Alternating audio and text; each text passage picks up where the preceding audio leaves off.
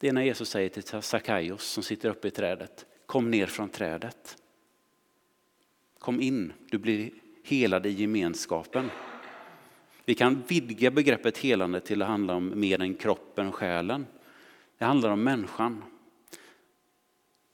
Så ser Guds rike ut. Människor mår bättre. Hos var och en framträder anden så att den blir till nytta. Det vill jag också föra in i, i berättelsen här nu. Med det sagt så vill vi också kunna be om det fysiska, det själsliga helandet. För det sker också i Guds rike. Vi har ingen kontroll över det, men vi får be om det. Man brukar säga så här om Guds rike i denna tiden. Redan nu är det här. Guds rike är här, säger Jesus. Men ännu inte. Ännu inte fullt ut så som Jesus berättar om att en dag när det fullkomnas, när Gud återupprättar skapelsen, människan, fullt ut.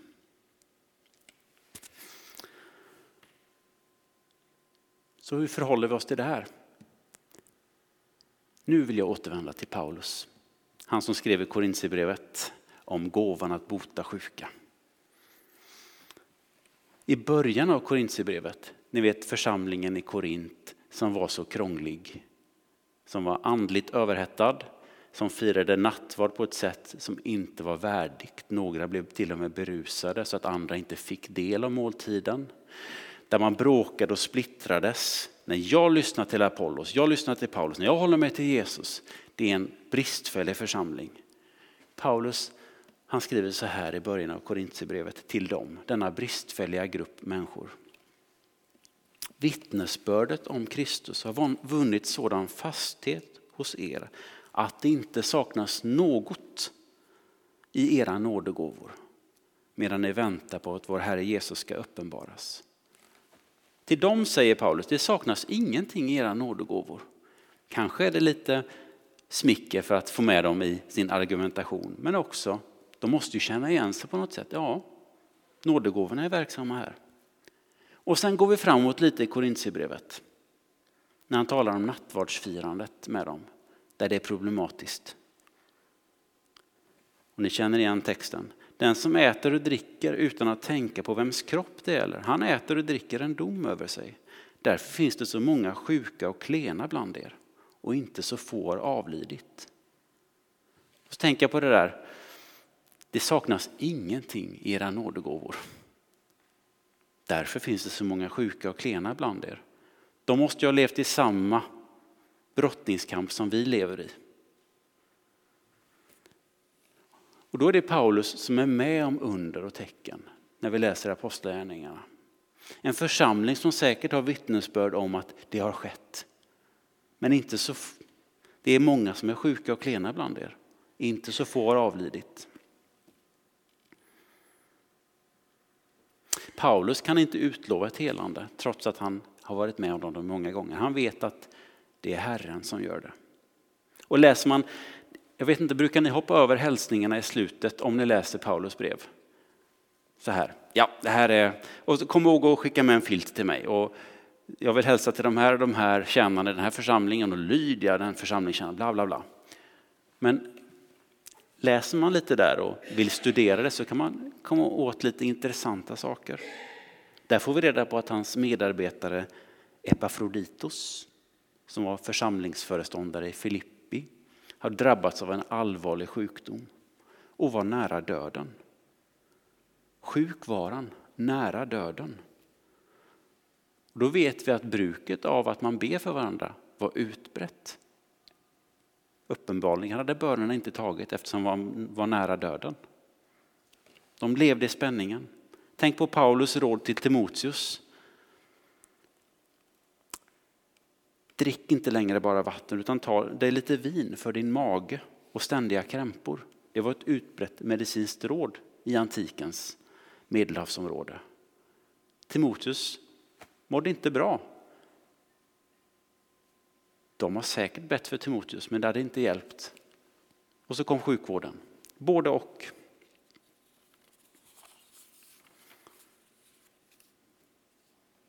Och när Paulus skriver till Galaterna i Galaterbrevet så skriver han så här.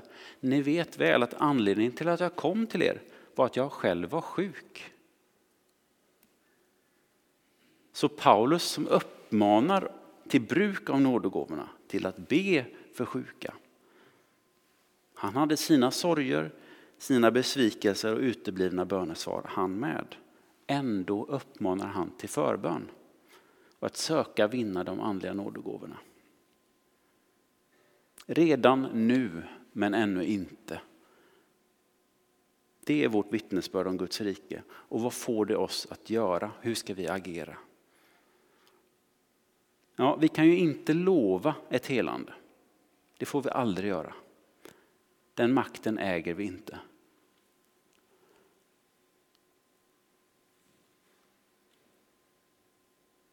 Och att vara sjuk, det finns ju sådan teologi och tankar också att den som är sjuk har svag tro. Det ser vi bara genom de här bibelorden jag visar att det är ju inte bibliskt att tänka så.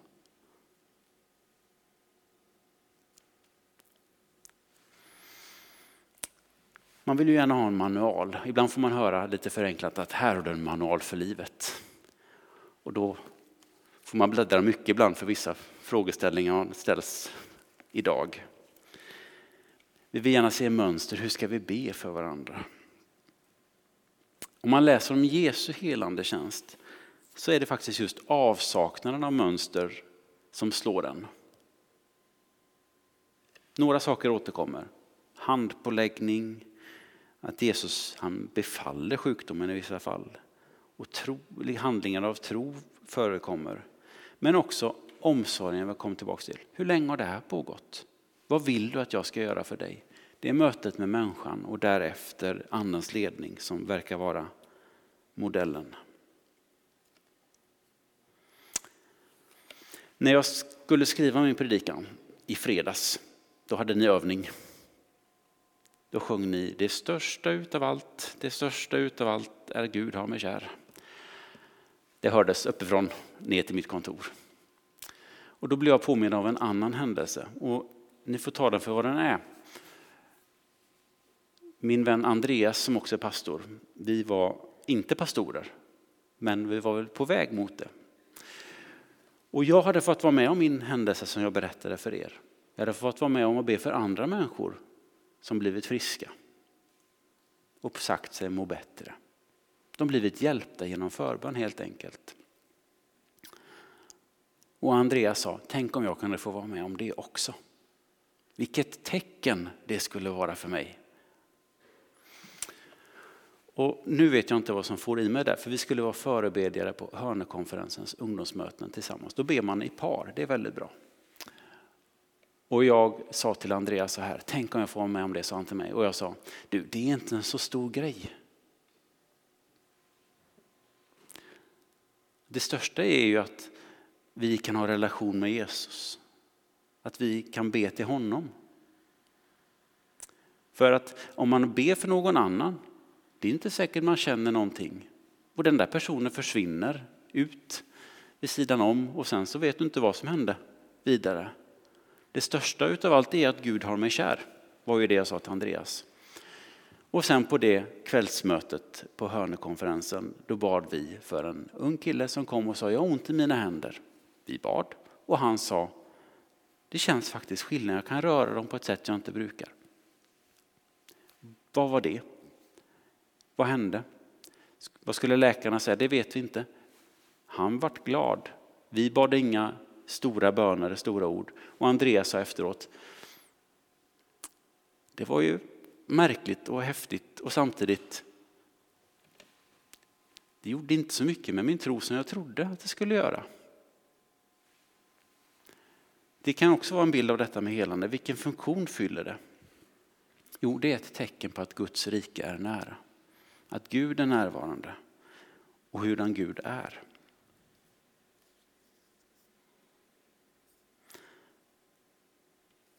När man ber för någon annan, då ska man be utifrån medkänsla. I tro och kärleksfullt och inte lova någonting som man inte kan hålla. Men man får bära sina vänner, sina medmänniskor till Gud i tro och hjälpa varandra och bära varandras bördor. Vi ska ha Jesus som föredöme och modell för hur vi ska vandra som lärjungar. Och han uppmanar oss att be. Därför får vi i tro, så som Paulus gjorde, fortsätta uppmana varandra och skapa utrymme för denna bönen och göra det på ett ansvarsfullt och tryggt sätt. Det är nog det jag kan säga som håller. Jag har fått vara med om det och jag hoppas att du sitter någon här som fått vara med om något liknande. Mitt vittnesbörd är att Guds rike är här och ännu inte. Just därför ska vi söka det.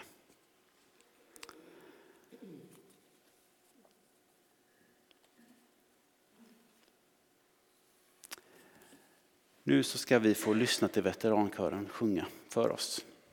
Och sen under förbönsstunden när vi får tända ljus, när vi får be och vara tillsammans.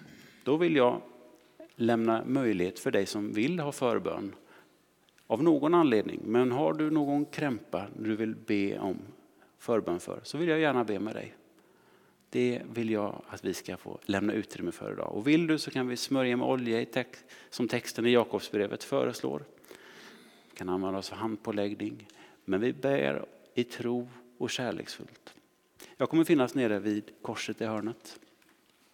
Och så fortsätter vi fira vår gudstjänst. Och vill du läsa mer om de här ämnena så kan jag rekommendera två böcker. Helandets kraft av John Wimber. Där finns det lite praktiska tips. På slutet finns det en studie från ett sjukhus i England. Tecken och under i Sheffield. Socialantropologisk analys av kunskapens ord, andliga manifestationer och effekten av gudomligt helande. Man ber om forskningsrapport. Eller så kan man läsa en antologi från Libris ganska nyligen. Sjukdom och helande. Då många olika teologer brottas med de här frågorna. Vill man inte köpa men vill låna så får man göra det av mig om man vill. Nu firar vi vår gudstjänst vidare.